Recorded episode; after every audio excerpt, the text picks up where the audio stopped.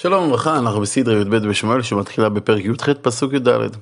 בסדרה הקודמת ראינו כיצד דוד הורג את גוליית בגבורה, הוא מוביל עם שאול העם לניצחון גדול, אבל ההתלהבות של שאול מדוד נעלמת כשהוא שומע את הנשים שרות לו שיר שממנו משמע, משמע לשאול שדוד גדול ממנו.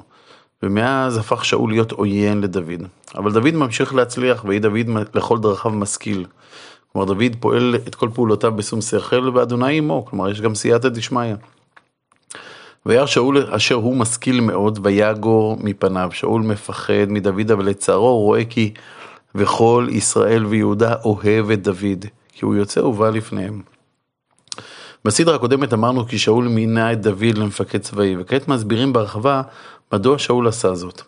שאול הבין שהוא צריך להיפטר מדוד, כי הוא הפך להיות מאוד פופולרי, אבל להרוג אותו זה מסוכן, כיוון שהוא אהוב על ידי העם, ולכן הוא מחליט להרוג אותו בעורמה. הוא ימנה אותו למפקד הקרבות מול הפלישתים, ושם בעזרת השם הוא ימות ויהרג. לכן, אה, חלק מה, מהתרגיל הזה, הוא, הוא מציע לדוד את, אה, את ביתו לאישה. ויאמר שאול אל דוד, הנה ביתי הגדולה מרב, ואותה אתן לך לאישה. אבל כל זה כמובן דורש ממך להיות גיבור חיל. אך אהיה לי לבן חיל, ויילחם מלחמות אדוני. ושאול אמר, אל תהי ידי בו, ותהי בו יד פלישתים. דוד עונה בנימוס שהוא לא ראוי להיות חתן למלך, ואומר דוד אל שאול, מי אנוכי ומי חיי, משפחת אבי בישראל, כי יהיה חתן למלך. ויהי בעת טטט מירב בת שאול לדוד, והיא ניתנה לאדריאל המחולתי לאישה. לא ברור בדיוק מה קרה, כנראה שדוד התמהמה מלהשיב להצעת שאול, וכיוון שהגיע כבר הזמן שבו מירב הייתה אמורה להתחתן עם דוד, אבל הוא לא השיב תשובה חיובית על כך, אז היא ניתנה לאדריאל המחולתי לאישה. יש מחלוקת בין הפרשנים אם היא קיבלה קידושים מאדריאל ללא ידיעת שאול, או ששאול יזם את זאת. בין כך ובין כך, אה, מיד אנחנו נראה, נראה שדבר חדש מתחולל. ותאהב מיכל בת שאול לדוד, ויגידו לשאול, וישר הדבר בעיניו. יש בתנ"ך הרבה גברים שנאמר להם שהם אהבו נשים, אבל יש רק אישה אחת בתנ"ך שכתוב שהיא אהבה גבר, וזאת מיכל שאהבה ושוב פעם אהבה את דוד. אגב, בשום מקום לא כתוב שדוד אהב את, את מיכל בחזרה. ויאמר שאול, אתננה לו, ותהי לו למוקש, ותהי בו יד פלישתים.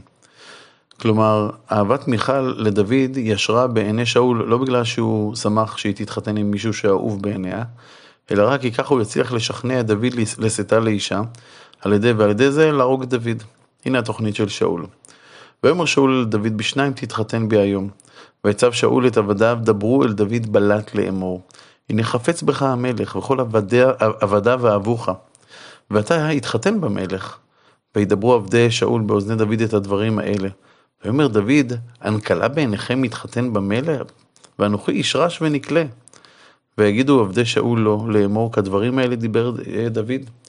שאול באמת שומע שדוד מגדיר את עצמו כרש ונקלה ולכן לא ראוי להתחתן עם המלך. כלומר הוא עני ולא ראוי למלך, אבל, אבל הוא שומע רק את הרש. הוא מבין שדוד לא רוצה להתחתן במלך כי אין לו כסף לשלם למלך מוהר על לקיחת ביתו. ולכן הוא אומר, ויאמר שאול, כה תאמרו לדוד, אין חפץ למלך במוהר, כי במאה עורלות פלישתים להינקם באויבי המלך. כלומר, לך תהרוג מאה פלישתים, אויבי המלך, ובזה תהיה ראוי להינשא לבת המלך. ושאול חשב להפיל את דוד ביד פלישתים. שאול קיווה שהוא ייהרג עוד לפני שהוא יגיע למועד החתונה. אבל דוד לא רק שלא נופל, אלא מביא לשאול עורלות של 200 פלישתים, וזוכה במיכל. ויגידו עבדיו לדוד את הדברים האלה, וישר הדבר בעיני דוד להתחתן במלך. ולא מלאו הימים, ויקום דוד, וילך הוא ואנשיו, ויח בפלישתים 200 איש, ויבא דוד את עורלותיהם, וימלאום למלך להתחתן במלך. וייתן לו שאול את מיכל ביתו לאישה. כל זה מפחיד עוד יותר את שאול, וירא שאול, וידע כי אדוני עם דוד ומיכל בת שאול אהבתהו, אהבתו. ויוסף שאול ירום מפני דוד עוד. ויהי שאול אויב את דוד כל הימים. ויצאו שרי פלישתים, פלישתים ממשיכים לצאת ולנסות להכות בישראל, אבל הפעם יש מולם מפקד קשוח. ויהי מידי צאתם, שכל דוד מכל עבדי שאול, ועיקר שמו מאוד. כלומר, דוד אה, בשום שכל ידע איך להילחם בפלישתים הרבה יותר מכל שאר המפקדים הצבאיים. וידבר שאול אל יונתן בנו ואל כל עבדיו להמית את דוד. ויונתן בן שאול חפץ בדוד מאוד. מאוד. יונתן בנו הבכור של שאול, מיכל, הבת של שאול, שניהם אוהבים מאוד את דוד, אבל שאול לא מבין זאת, או שהוא לא רוצה להבין את זאת. הוא רוצה להרוג את דוד והוא כבר לא מסתיר את זה מאנשים הסובבים אותו. אבל שאול האמיתי, הטוב, לא נעלם. אומנם רוח רעה תוקפת אותו וגורמת לו לנסות לפגוע בדוד, אבל לפעמים ענני אותה רוח מתפזרים, ואותו שאול, שאותו פגש שמואל, הטוב, הענב, אותו שאול מתגלה. והוא מתמלא הכרת הטוב אל דוד ואל פועלו. הנה פיזור כזה של העננים שמסתירים את שאול הטוב מעצמו, מתרחש כשיונתן מדבר איתו. ויגד יונתן לדוד לאמור, מבקש שאול אבי לעמיתך, ואתה הישמר נא בבוקר וישבת בסתר ונחבאת. כלומר, יונתן מבקש מדוד להסתתר עד שהוא ידבר עם אביו. ואני אצא ועמדתי ליד אבי בשדה אשר אתה שם, ואני אדבר בך אל אבי, וראיתי מה, והגעתי לך. וידבר יונתן בדוד טוב אל שאול אביו. כלומר, יונתן מדבר דברים טובים על, על דוד בפני שאול, לראות מה תהיה תגובתו של שאול. ויאמר אליו, אל, תח, אל יחטא המלך בעבדו בדוד, כי לא חטא לך, וכי מעשיו טוב לך מאוד. כלומר, אל תפגע בדוד, הוא נאמן לך, הוא עושה מעשים שהם לטובתך. וישם את נפשו בכפו ויח את הפלישתי, ויעש אדוני תשועה גדולה לכל ישראל, ראית ותשמח. כלומר, יונתן הרי היה עם שאול כשדוד הרג את גוליית, הוא ראה את שמחתו של שאול במות גוליית. ולמה תחטא בדם נקי להמית את דוד חינם? והנה שאול האמיתי מופיע. וישמע שאול בקול יהונתן, וישבע שאול חי אדוני מיומת. ויקרא יונתן לדוד, ויגיד לו יונתן את כל הדברים האלה. ויבא יונתן את דוד אל שאול, ויהי לפניו כאתמול שמשלשום. שאול נשבע שהוא לא יפגע בדוד, ודוד חוזר כאילו שום דבר לא קורה. אבל זה לא נמשך לאורך זמן. ותוסף המלחמה להיות, ויצא דוד וילחם בפלישתים, ויח בהם מכה גדולה, וינוסו מפניו. ותהי רוח אדוני רעה אל שאול, והוא בביתו יושב וחניתו בידו. ודוד מנגן ביד. ויבקש שאול להכות בחנית בדוד ובקיר, ויפטר מפני שאול. ויח את החנית בקיר, ודוד נס וימלט בלילה ההוא. כלומר עוד פעם שאול זורק על דוד את החנית, שהוא בזמן שהוא מנגן לפניו, ושוב פעם דוד מצליח להתחמק. וישלח שאול מלאכים לבית דוד לשומרו ולעמיתו בבוקר. כלומר, דוד ברח לביתו, ושאול עוד באותו לילה שולח שליחים שישמרו על הדלת, דלת ביתו של דוד, שלא יברח, על מנת להרוג אותו בבוקר, כמורד מהמלכות. ותגיד לדוד מיכל אשתו לאמור אם אינך ממלא את נפשך הלילה מחר אתה מומת. כלומר, מיכל שמה לב ללוחמים של אה, שאול ומזהירה את דוד. ותורד מיכל את דוד בעד החלון, וילך ויברח וימלט. אבל מיכל רוצה להרוויח זמן בבוקר, שיעבור זמן עד שיכירו בברכתו. ותיקח מיכל את התרפים, ותשם אל המיטה, את ואת כביר העזים שמה מראשותה ותכס בבגד. כלומר, היא לוקחת תרפים, כלומר, מין בובה בצורת אדם, שמה אותה במיטה, אבל התרפים לא היה בשיער, ולכן מקום, במקום של הראש היא שמה אורות של עזים, מכסה את הכל בשמיכה, כשקצוות השיער יוצאות החוצה כשיער אדם. המהות של התרפים לא ברורה, אבל ברור שהם לא חשובים או קדושים בעיניה של מיכל, הרי היא משתמשת בהם שימוש בזוי. וישלח שאול מלאכים לקחת את דוד, ותאמר חולהו, חולהו. כלומר, היא בעצם שולחת את השליחים של אה, שאול בחזרה, הוא חולה. והם הולכים, ובעצם הזמן אה, עובר, וישלח שאול את המלאכים לראות את דוד לאמור, עלו אותו במיטה אלה אל. לכו תביאו אותו. חולה, בריא, זה לא משנה. ויבואו המלאכים והנה הטרפים אל המיטה וכביר העזים מראשותיו. ושאול כועס על מיכל. ואומר שאול על מיכל, למה ככה רימיתיני? ותשלחי את אויבי וימלט. ותאמר שמיכל אל שאול, הוא אמר אליי שלחיני, למה עמיתך?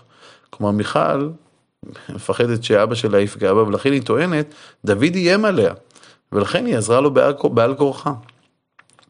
ודוד ברח וימלט, ויבוא לשמואל הרמתה. דוד בורח אל הנביא הגדול שמשך אותו למלך, שהכניס אותו לכל הסיפור הזה. הוא גם משך את שאול. ויגד לו את כל אשר עשה לו שאול. וילך הוא ושמואל וישבו בניות. בניות על פי חז"ל היה בית אולפנה לנביאים, בית ספר לנבואה, לגילוי האור האלוקי. רש"י מפרש שבאותו מקום קסום יושבים שמואל ודוד ומנסים למצוא מקום לבית הבחירה מן התורה. כלומר, מנסים לגלות את עניינו של דוד בעולם. דוד חי כרגע את היום הקרוב בלבד, הוא מנסה לשרוד, והוא מקבל משמואל שיעור על חלומות גדולים שיוצאים מהמציאות של כאן ועכשיו, ועפים אל הנצח. ויוגד לשאול לאמור, הנה דוד בניות ברמה. וישלח שאול מלאכים לקחת את דוד. וירא את להקת הנביאים ניבאים, ושמואל עומד ניצב עליהם. ותהי על מלאכי שאול רוח אלוהים והתנבאו גם המה. כלומר, השליחים ששאול שולח לתפוס את דוד, מגיעים לשמואל ומתנבאים בעצמם. ויגידו לשאול וישלח מלאכים אחרים ויתנבאו גם המה. ויוסף שאול וישלח מלאכים שלישיים ויתנבאו גם המה. כולם מתנבאים, אף אחד לא מצליח ללכת ולתפוס את דוד. ואז שאול מחליט ללכת בעצמו לתפוס את דוד. וילך גם הוא הרמתה, ויבוא עד בור הגדול אשר בסכו. וישאל ויאמר איפה שמואל הוא דוד? ויאמר הנה בניות ברמה, וילך שם אל ניות ברמה. אך שאול לא צריך להגיע אל ניות על מנת להתנבא, מיד אחרי שהוא קיבל את המיקום של שמואל, ודוד הוא החל להינבא, ותהי עליו גם הוא רוח אלוהים, וילך הלוך ויתנבא עד בואו בניות ברמה. וכשהוא הגיע לשמואל, ויפשט גם הוא, את גם הוא בגדיו, ויתנבא גם הוא לפני שמואל. ויפול ערום כל הלילה ההוא, כל היום ההוא וכל הלילה, על כן יאמרו גם שאול בנביאים. לא מתנבאים ערומים חס ושלום, אבל שאול פושט את בגדי מלכותו, כאשר הוא מגיע לשמואל, כאשר הוא מתנבא. ולכן כשמלך לא לבוש בבגדי מלך, אלא בבגדים פשוטים, הוא נחשב לכערום. לילה ויום הוא מתנבא, ודוד בזמן הזה בורח רחוק רחוק משם. על מה שאול מתנבא לא, לא כתוב, לא ברור. אבל אולי הנבואה אליה זוכה שאול בא להזכיר לנו ששאול האמיתי שהתחיל את מלכותו בקרב חבורת נביאים הוא אותו שאול שמצוי כאן, אלא שרוח רעה היא זו שתוקפת אותו. המלוכה אמנם נלקחה ממנו, אבל הוא כאדם, כאדם פרטי יכול לעשות תיקון, לחזור לעצמו. נמשיך. ויברך דוד מניות ברמה ויבוא ויאמר לפני יהונתן, מה עשיתי, מה עווני, מה חטאתי לפני, לפני אביך, כי מבקש את נפשי. דוד מיואש, הוא באמת מנסה לעשות כל דבר טוב שאפשר לעשות למלך, שום דבר לא עוזר. יונתן שמכיר את אביו שנים רבות מחכה כל רגע שיעבור הסיוט הזה וששאול אביו יחזור לעצמו ויפסיק לרדוף אחרי דוד. הוא בטוח גם ששאול, שנשבע לו שהוא, שהוא, שהוא לא יפגע בדוד, לא, לא מתכוון לפגוע בדוד. והוא אומר לו, חלילה, לא תמות. הנה, לא יעשה אבי דבר גדול או דבר קטון ולא יגלה את, את אוזני. ומדוע יסתיר אבי ממני את הדבר הזה, אין זאת? כלומר, אין סיכוי שהוא רוצה להרוג אותך. והוא לא אמר לי על כך דבר. וישבע עוד דוד ויאמר, ידו ידע אביך, כי מצאתי חן בעיניך. ויאמר, אל ידע זאת יהונתן, פן יעצב. ואולם חי אדוני וחי נפשך, כי חפשה ביני ובין המוות. כאן מגיעה סוף הסדרה, אך נשמע את תשובתו של יונתן, ויאמר יונתן אל דוד, מה תאמר נפשך ואעשה לך? כלומר, תן לי רעיון על מנת שנדע מה, מה, מה כדאי לעשות. עכשיו לדוד יש רעיון אדיר. מה הרעיון של דוד? האם זה יעבוד? אולי שאול באמת יתקן את עצמו? זאת ועוד בעזרת השם בסדרה הבאה.